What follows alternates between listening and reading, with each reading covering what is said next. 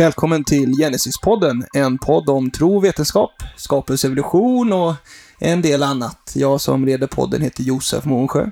Och idag så har vi med oss eh, Göran Schmidt. Välkommen Göran! Tack så mycket!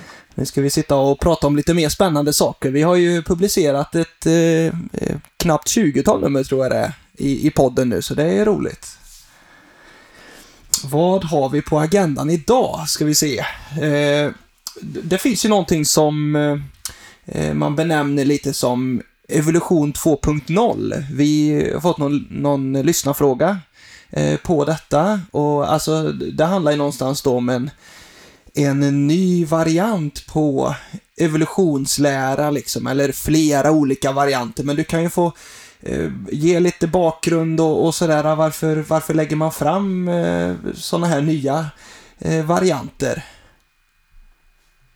Ja, det, det är ganska enkelt egentligen och det, det har ganska länge funnits eh, en rätt så stark inofficiell kritik av klassisk eh, alltså evolutionsteori eller, eh, eller rättare sagt det som brukar kallas för eh, neodarwinism, alltså den, den evolutionsteori som man lär sig i skolan. Va?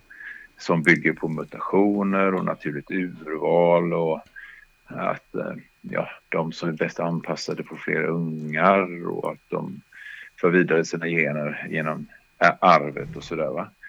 Eh, det har varit ganska länge som, som man har varit medvetna om problemen med det. Vi, vi som är skapelsetroende, vi har ju, vi har ju eh, fört fram det där eh, och påpekat det under många årtionden, liksom de stora problemen med mutationer och naturligt urval. Men, men det är ju liksom inte politiskt korrekt att eh, göra det så, så, att, så att eh, därför så har det ju mer varit ett ska vi säga, ett försvar att nej då, det, det är inget fel på evolutionstiden. Men med tiden så har det, alltså de här problemen har kommit till ytan. Eh, så. Eh, om, om jag ställer så, en eh, fråga här då, ja. här, hur, pass, hur pass utbrett är detta? Alltså för då, det du säger här är ju att det här är ju inte ja. skapelsetroendes kritik, utan detta är ju nej. bland evolutionister som, men är det någon enstaka bara, eller är det, det finns en nej, mängd nej, personer? Det, det, nej, alltså det, det är många. Eh, man, kan, man kan säga att det började komma till ytan lite grann eh, redan ja, men i början på 80-talet.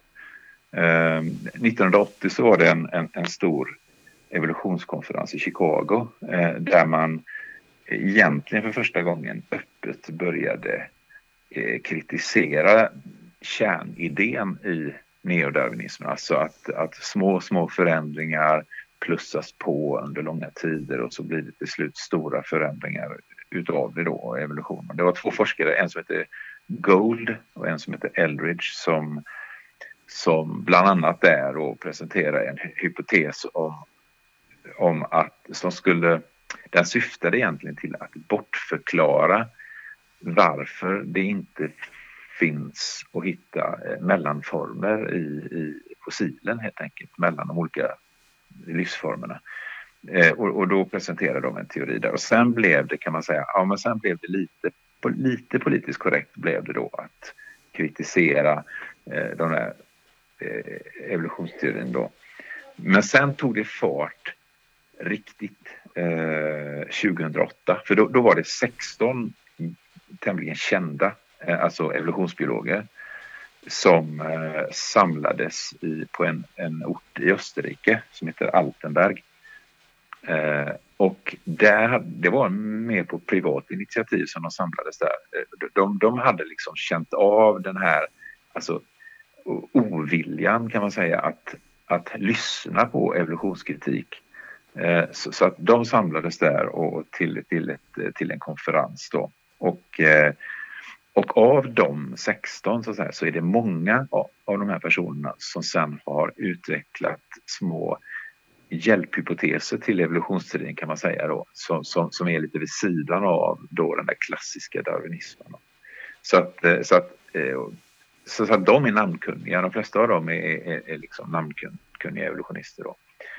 Som, eh, så, så, att det här är, men det här är inte så mycket man läser om detta i media. Framförallt läser man ingenting om det i läromedel i skolan och sånt där. Men, men, men det, här, eh, det här är...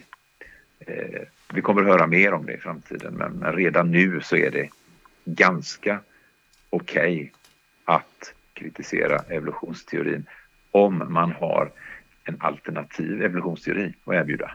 Och, och detta finns ju flera namn på detta och sådär givetvis. Alltså, eh, om man söker på evolution mm. 2.0 så finns det en bok av en som heter Perry Marshall.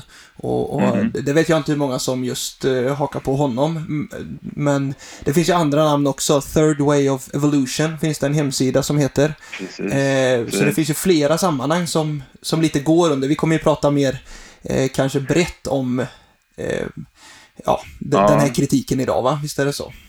Jo, men visst är det så. Eh, han som skrev den här boken Evolution 2.0, han, han, han är ju egentligen inte evolutionsbiolog utan han, han är informationsingenjör. Så att han har liksom ett sånt perspektiv på, på det hela. Men, men det finns ett, en, en ganska lång rad av evolutionsbiologer då som, som, eh, som har, eh, uttrycker syn, en annan alternativ syn på det här. Man, man kan säga att det där med att det finns eh, tredje vägens biologi, det har egentligen att göra med att man, man har tidigare sett då som evolutionism, eh, evolutionsteorin är en ett sätt att se på biologin. Då. Sen så har vi då det här med skapelsetro, intelligent design som är ett annat alternativ, motpolen då. Så Gud skapade Eh, Eh, och sen så tycker man att man hittar någon sorts medelväg däremellan då som inte direkt talar om Gud och inte heller direkt bara ren krass darwinism utan lite mittemellan sådär. Va? Så att det är egentligen två olika sätt att uttrycka att det här är en sorts, man brukar säga också uttrycket en utökad evolutionär syntes. Alltså man, man breddar evolutionsperspektivet.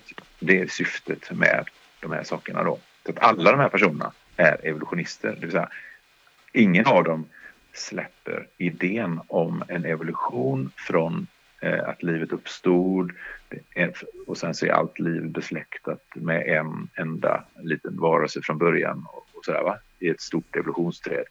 Det, det är alla överens om, men det man är oense om då, eller det man det debatterar, det är liksom hur det där trädet såg ut då. Eh, så vidare. Så, så på den nivån är det. Men, men det här är namnkunniga evolutionsbiologer som till exempel en kille som heter eh, Shapiro. Eh, eh, ja, jag vet, ja, det är ingen idé jag eh, rada radar upp namn så här men, men, men, det här är alltså, jag skulle kunna referera till en, en mängd personer då som, som är verkligen övertygade om evolution men som kritiserar men som kritiserar mekanismen. Då, Just det, så man, man, är grundläggande kritisk till att det räcker med eh, mutationer och naturligt urval på något sätt, eller i alla fall den klassiska varianten. Ja, vad, vad, är det man lyfter fram mer då? Om vi, om vi kommer in på det, vad är det man... Vad, vad har man för egna tillägg då? Ja, eh, eftersom de är... Det är lite olika, därför att en del av dem eh, är kritiska. Jag menar, vi som skapelsetroende, vi, vi är kritiska till mutationer till exempel. Eh, det har vi liksom pratat om i tidigare program att, att liksom, ja, men mutationer är ju faktiskt eh, fel i programmeringen som oftast leder till skador och sånt där. Va? Och det, det har många av dem insett. De kanske har smygläst lite skapelselitteratur sådär utan att ta om det för någon. Men det vet jag inte. Men, men hur som helst så eh, vissa av dem eh, är då inne på, har, har insett det att, att mutationer faktiskt som regel inte är slumpmässiga utan att det finns andra, det finns en typ av mutationer som är, inte är riktigt slumpmässiga. Eh, så att en del av dem, vi kan prata lite mer om det sen, men en del av dem riktar in sig på att nej, men mutationer, det är inte det som, som, som, som vi har brukat tänka, att det bara är slumpmässiga händelser, utan det finns andra saker bakom det då. Andra är mer kritiska till naturliga urvalet, vilket vi också är. Därför att vi som skapelsetroende så påpekar vi ju att ja, det naturliga urvalet det kan specialisera organismer. Men vad det gör på djupet är ju att det rensar bort, tar bort en massa gener. Eh, det är liksom baksidan av myntet vilket gör att det, konsekvensen blir en minskad genetisk mångfald. När man selekterar, selekterar, selekteras, så blir det genetiskt fattigare liksom efterhand. Eh, och, och, det är en del av dem som har uppmärksammat det. En del av dem bortser helt från det naturliga urvalet och, och tycker att det, det, spelar ingen roll. Så, va? Och så finns det andra som är, ytterligare andra som, som är mer inne på det där att eh, det handlar inte så mycket om det DNA egentligen utan det är andra faktorer som, som är minst lika viktiga då. Eh, så att man kan säga att om man säger att det finns eh, några olika grundpelare bakom evolutionsteorin så kan man säga att olika forskare kritiserar olika eh, av de här eh, grundpelarna då och har sina egna hjälphypoteser med det. Då. Det låter kanske lite invecklat, men jag kan ju... Ja, ja precis, men vad, alltså, man kritiserar då liksom lite olika bitar och så lägger man till någon hjälphypotes, men har man några ja, ska vi säga, har man några, liksom, eh, det, det behöver ju vara andra saker som är med och påverkar, eller har man, vet man om några andra saker som är med och gör ja, någonting? Eh, vad man kan säga till exempel, eh, vi har till exempel eh, det finns någon forskare till exempel som, som, som tänker så här. Det finns en, en hypotes som heter evo-devo. Eh, alltså, eh, och, och, och, det står för en koppling då mellan evolutionen och development, alltså eh, ett embryo som utvecklas. Eh, på svenska är det ju samma ord, alltså utveckling och utveckling. Eh, ett embryo utvecklas och i evolutionsteorin så är det då evolutionen då som alltså djurarter och växtarter utvecklas under miljontals år. Va? Men, och då är det en hypotes där som går ut på att eh, försöka förklara hur det kan finnas så många olika grundbyggnadsplaner hos levande varelser. Alltså om, om vi tänker oss en kräfta till exempel, va? så har ju den då har ju den vissa kännetecken som den delar då med krabbor och med andra kräftdjur. Va? Och sen så har vi däggdjur som, som är en helt annan typ av liksom, alltså grundläggande mönster i strukturen, uppbyggnaden. Och, och, och samma med insekter och alla andra varelser. Liksom, de har sina st stora grundbyggnadsplanerna. Det är det som brukar kallas, biologer kallar för fyla eller stammar av levande varelser. De, eh, det finns ett antal sådana här stora eh, kategorier. Då, Och, och då är en sån här hypotes, alltså, så mutationer skapar bara små löjliga förändringar hos levande varelser. Och då har man tänkt så här, hur kan det blir stora grundläggande förändringar eh, under evolutionen? Och då har deras alltså resonemang varit, jo, tänker de, om det sker mutationer väldigt tidigt i ett embryos utveckling, alltså kanske några av de första celldelningarna av ägget, då skulle det kunna bli stora eh, liksom dominoeffekter när embryot sen utvecklas. Så då skulle det kunna ske stora förändringar i byggnadsplanen liksom, om man ändrade den absolut grundläggande byggnadsplanen av, av organismerna. Det är liksom evo-devo-idén. Eh, eh, men, men, kan vi säga då, det är sant att om det sker en mutation väldigt tidigt i ett embryos utveckling så får det drastiska konsekvenser. Det är ett faktum. Men de konsekvenserna är nästan alltid att den lilla varelsen dör då. Eller att det blir väldigt, väldigt eh, allvarliga missbildningar på eh, den individen om den föds då. Så det är, det är liksom dilemmat med den hypotesen. Att, ja, men tanken är bra. Därför att, därför att eh, ska det kunna bli stora förändringar då måste det ske tidigt i embryonalutveckling. Men kruxet är när det gör det så leder det till död eller grava missbildningar. Så att det, så. Så en, en hypotes då, men egentligen inte så mycket? Nej, det finns liksom ingen ev ev evidens för det. Sen finns det en annan variant som också jobbar med, med mutationer och det, det är det att, att, eh, att helt enkelt, som vi vet, så kan ju då genetiskt material flyttas mellan organismer. Alltså om vi säger att eh, både inom och mellan organismer kan gener som flyttar på sig. Det finns en typ av, av gener som kallas för transposoner som, som kan hoppa i vår arvsmassa, eh, som hoppar runt där liksom. Och då är det också hypoteser om att jaha, den typen av förändringar när gener flyttar på sig, de kan också leda till stora eh, förändringar då. Eh, det kommer också in där att virus till exempel kan då, Eh, kan då sprida gener från en organism till en annan och så vidare. Men, men, men då handlar det egentligen om att man, det, det är alltså modeller som går ut på att man skyfflar gener eh, och, och, då egenskaper då, mellan organismer. Men, men, men det är ju en sak eh, eh, att skyffla gener. Men, men grundfrågan är ju hur uppstår de här anlagen, de här generna? Man, man, måste liksom först ha en kortlek innan man kan börja spela kort. Och, och det förklarar inte de här hypoteserna.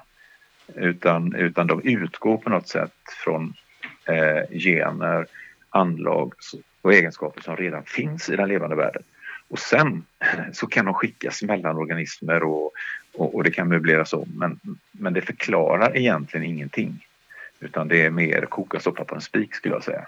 Just det. Det här är ju utanför mitt eh, kunskapsområde känner jag nu då, men, men är, det, är det bara, alltså sker det här i människor eller sker det bara i, i små varelser eller bakterier, eh, virus eller? Ja, framförallt är det ju, framförallt är det i bakterier eh, där, det, där det sker. Eh, alltså där, där, flyttas det massa genetisk information fram och tillbaka. Hos människor är det liksom inte, inte alls på samma sätt. Där är det, där är det möjligen att det kan ske. Eh, flyttas det inom eh, DNA då möjligtvis? I en människa? Ja, eh, det blir lite invecklat det här men jag kan, jag kan ta som ett exempel sådana här transposoner, då, alltså gener som hoppar. Eh, det tolkar då en del evolutionsförespråkare som bevis för att människan har utvecklats med hjälp av upprepade virusinfektioner under miljontals år. Där det då har kommit in gener i, i vårt DNA som har, har, har sådär va. Eh, men eh, nu, glömde jag, nu glömde jag din fråga. Ja, men i, i människor, kan de flyttas i, i människor, alltså de här Tra ja, finns nej. det transposoner som flyttar sig?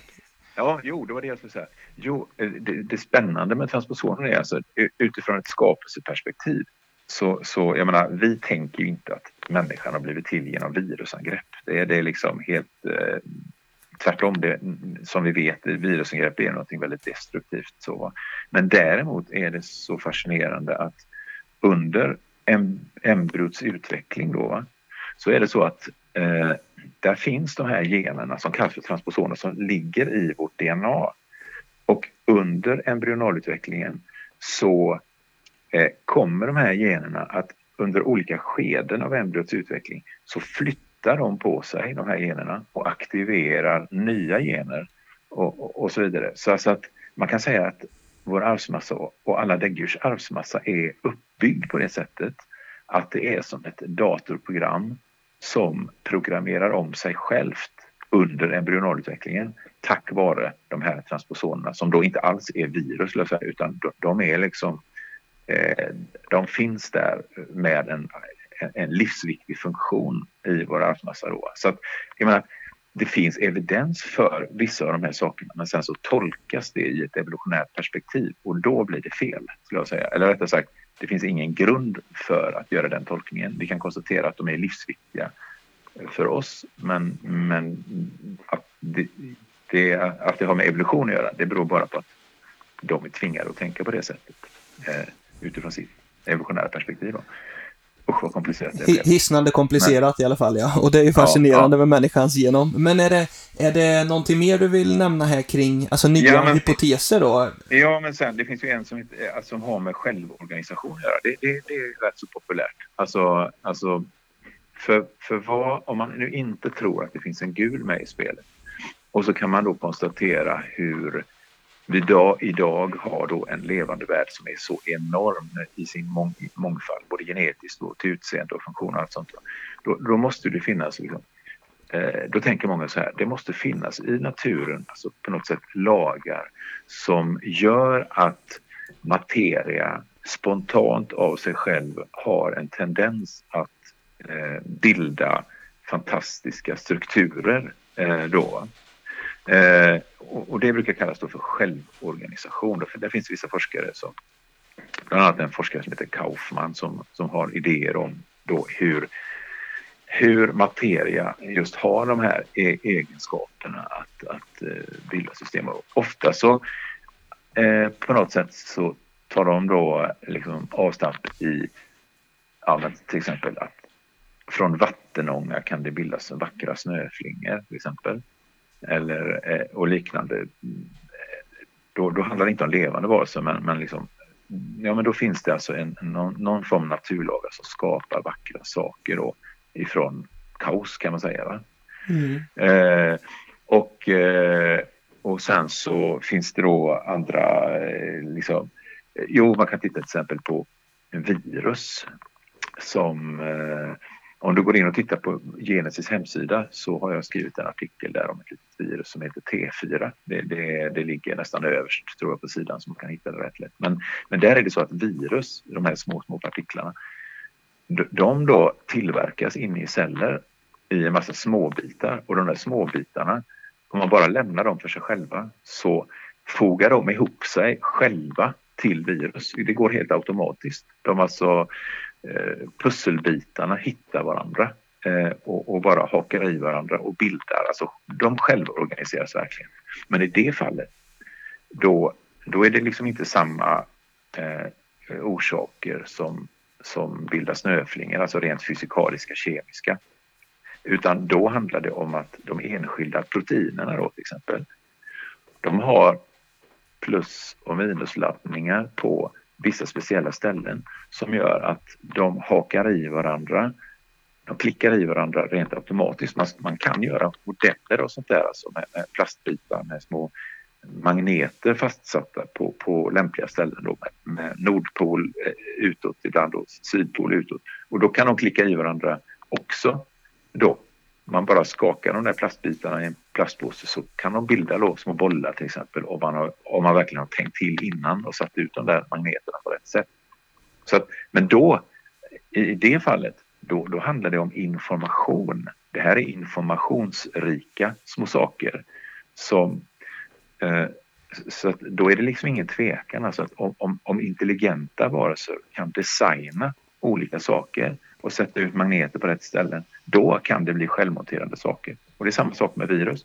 Det är inte, det är alltså eh, små virusproteiner är, innehåller enorma mängder med information som gör att, som möjliggör att de kan foga ihop sig till små viruspartiklar till exempel. Så, så att, men, men eh, ser man inte den skillnaden då att det är skillnad mellan livlös materia och programmerad materia som levande varelser består av. Då kan man det, det är lite det som är feltänket med självorganisation därför att de bortser från informationens betydelse. Det, det, är klart det är ett ganska långt hopp från naturlagar som skapar upprepande mönster bara, eller enkla upprepande mönster till, till, ja, en... till de här virusen som verkligen känns som att det, det ligger mycket design bakom. Ja, det, det, det, det går liksom inte att jämföra. För, för eh, precis som du säger, en snöflinga är bara mönster. Mönstret i en snöflinga är jättevackert men ytterst så beror det bara på vattenmolekylens geometri. Eh, eh, vinkeln mellan syre och väteatomerna. Det är det som styr att det kan bli så här vackert. Då. Eh, men, men informationen i en levande varelse har ingenting med kemins nödvändigheter att göra utan, utan där finns det frihetsgrader som gör, precis som i mänskliga språket, så, så det är inte så att en boks text bara eh, styrs eller bestäms av bokstävernas inbördes eller alltså att ett A hellre hänger ihop med ett B än med ett C till exempel utan, utan det finns inga lagar som styr innehållet i en bok. Eh, och på samma sätt finns det inga eh, lagar som styr informationen i DNA utan den är liksom som en bok. Boks, eh, den, den måste födas i en författares sinne och sen så kan den då sättas på pränt. På samma sätt är det med livets information. Det, det, det vittnar om att det finns en gud som programmerade livet i början. Eh, så. så ska man, eh, om man säger så här, ska man sammanfatta hela det här så kan man säga att, eh, att det handlar om en ganska svag logik för det första. För att man utgår, de här, de här biologerna, de utgår från att evolutionen är ett faktum. Sen inser de att det är problem med mutationer, det är problem med naturligt urval och så vidare. Alltså måste det finnas en annan evolutionär förklaring och den här kan det vara. Men det är som Anders Kärrborn pratade om när han pratade om Big Bang-teorin, liksom att man, man måste ta in en massa mörk materia och mörk energi för att eh, få i teorin hålla ihop. Och det, det, är på samma sätt. Det här, de här försöken är precis motsvarigheten till fysikens mörka materia. Liksom. Det, det, det, det, bygger inte på evidens utan det bygger på evolutionen måste vara sann. Liksom. Det, och då spekulerar man i vad som skulle kunna vara en lösning men det finns inte så mycket evidens. Nej, så, så att eh, utan istället skulle jag säga så alla de här försöken, för det första så avslöjar de att den evolutionsteori man lär sig i skolan, mm, det är en så tillrättalagd bild så att den är direkt osann, för det första. Och för andra så vittnar det om att det krävs en formgivare, det krävs en designer. Eh, därför att alla de här sakerna, eh, alla de här så att säga bildligt talat, de här kort det här kortspelet som man ägnar sig åt eh, det förutsätter att det finns en kortlek. Det förutsätter att det finns eh, stora mängder med genetisk information som kodar för fantastiska egenskaper hos levande varelser. Eh, och det adresserar de inte ens. De, de, de, diskuterar inte den grundläggande frågan. Varifrån kommer informationen från början? Utan de nöjer sig med att blanda information och, och, och se att det kan bli lite nya kombinationer av saker och ting. Så att, eh, ja. Vi kan ju ta ett, ett perspektiv till då. Alltså, när man talar om, om detta då så känns det ju som att det är nära till hands för för kristna kanske då att man kan säga ja men, ja men det kanske är Gud som är de här Eh, mekanismernas eh, anledning sådär. Det, det är Gud som saknas i ekvationen. Då funkar revolutionen. Men eh, ja. Nej, precis. Eh, jo, men så, visst kan man se det så. Visst kan man se att eh, ja, men, okay, Gud kanske döljer sig bakom naturlagarna på något omärkligt sätt. Eller Gud kanske, när han tände Big Bang så såg han till att alla partiklar så småningom skulle studsa ihop och bilda människor och, och, så vidare. Va? Gud, Gud styr mutationerna till exempel? Ja, på något sätt. Ja, visst, visst, visst kan man tänka så. Det är ju bara det att det går ju aldrig att påvisa det. Det innebär alltså att det skulle vara omöjligt att påvisa att Gud faktiskt har skapat världen. Utifrån ett kristet perspektiv är det helt galet därför att Bibeln förut, när man läser Romarbrevet 1 så är Paulus jättetydlig med att, att den här skapelsen vittnar verkligen konkret om sin skapare. Det finns evidens i den här världen som vittnar om att Gud har skapat då. Och då, då på något sätt eh, och, och, och, han säger också det att om man inte inser det, då förnekar man faktiskt Gud. Och det är ett medvetet val att, att se men ändå förneka att Gud finns. Men då skulle de här kristna ha rätt, alltså att Gud döljer sig bakom naturlagarna, då skulle en ateist eh, kunna försvara sig en gång med att säga att eh, ja men det fanns ingenting i naturen som gjorde att jag skulle kunna inse att Gud fanns. Sådär, va? Vilket är helt barockt därför, därför att eh, eh, det är helt uppenbart att, att allt i naturen vittnar om Gud. Skönhet i naturen, allt fantastiskt, är ett starkt vittnesbörd om att Gud finns. Eh, så, så, att de här, de här kristna som, som, som tänker så gör ett jättestort misstag skulle jag säga. Man gör det bara för att man inte vill stöta sig med den, den sekulära vetenskapen då.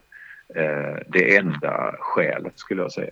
Och det, och det är klart, jag känner ju ganska spontant att det, det är lätt att vända på det hela och säga istället att varför ska vi varför ska vi ge, ge evolutionsläran, varför ska vi lösa den med Guds hjälp liksom? Det är bättre att slänga ut det hela i så fall då, om den inte funkar. Om evolutionen inte funkar av sig själv så finns det ingen anledning att, att blanda in Gud i det hela heller. Nej, det, det, är så. Alltså, idag när vi kan så mycket om, om molekylär, molekylärbiologi, idag när vi har letat fossiler i 150 år, så, så det finns ingenting där, skulle jag säga, som, som talar för en, en, en, eh, en, en gradvis successiv evolution, utan det finns så mycket evidens för, som vittnar om motsatsen. Aldrig någonsin i världshistorien har eh, evidensen för en Gud som skapade, en, en, eh, en livets programmerare. Eh, aldrig någonsin har det varit så starkt. Eh, och det, här, det, här, det här är egentligen en, en oerhört stark evidens för Gud. Alltså en, en riktigt duktig programmerare till exempel som, som, som skapar datorprogram jobbar alltså inte på det sättet att bygga från scratch varje gång han eller hon programmerar en, gör, skapar ett nytt program. Utan man lånar färdiga moduler av programvara som man sedan monterar in i sitt program helt enkelt. Va? Så, så jobbar en duktig programmerare. Och det är det mönstret som vi idag kan se i den levande världen. Där vi hittar liksom, eh, genetiska program i helt skilda organismer eh, som, som liksom eh, eh, visar just på det här. Det, skulle, det är ingenting man kunde förvänta sig av en evolution. Eh, utan precis tvärtom. Alltså till exempel här va. Menar, vi har ögon med en viss konstruktion som däggdjur och sådär va. Men, men det har faktiskt även havsborstmaskar har samma typ av ögon. Och eh, maneter har samma typ av ögon, eh, alltså i konstruktionen. Och spindlar har också den typen av ögon. De måste alltså utvecklats oberoende av varandra. Det är helt absurt, men en programmerare som är fri att använda programvara i, i, i alla sina varelser som han önskar.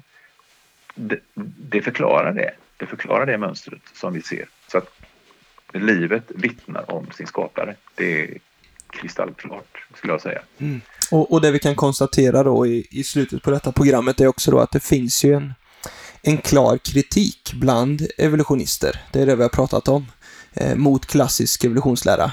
Eh, och det ja. talar ju någonstans om att, att det, det, det finns verkligen eh, bland evolutionister de som, eh, ja, so, som är kritiska. Och, och det talar ju för att det kanske inte fungerar då, utan att... Eh, ja, det enda som håller ihop evolutions, evolutionismen är att evolutionen måste vara sann. Därför alternativet vore Gud.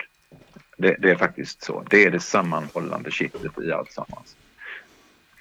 Allt måste kunna förklaras på naturlig väg utan Gud. Det, det är det som håller samman alla de här spretiga teorierna. Eh, så det är en, ytterst är det en andlig fråga, det är inte en vetenskaplig fråga det här. I så fall hade saken varit klar för länge sedan.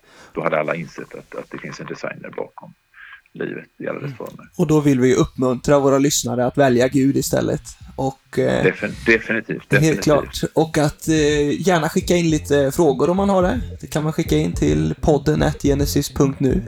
Eh, man kan eh, skriva på Messenger, Facebook kan man göra också, till Genesis. Eh, och vara med och följa podcast och kika in på vår hemsida eh, kan man göra med. Så det finns ju många spännande saker där man kan få komma i kontakt och lära sig mer och, och eh, eh sådär. Bra, då eh, tack så mycket Göran och tack så mycket alla som har lyssnat. Så hörs vi en annan gång. Ha det bra med er.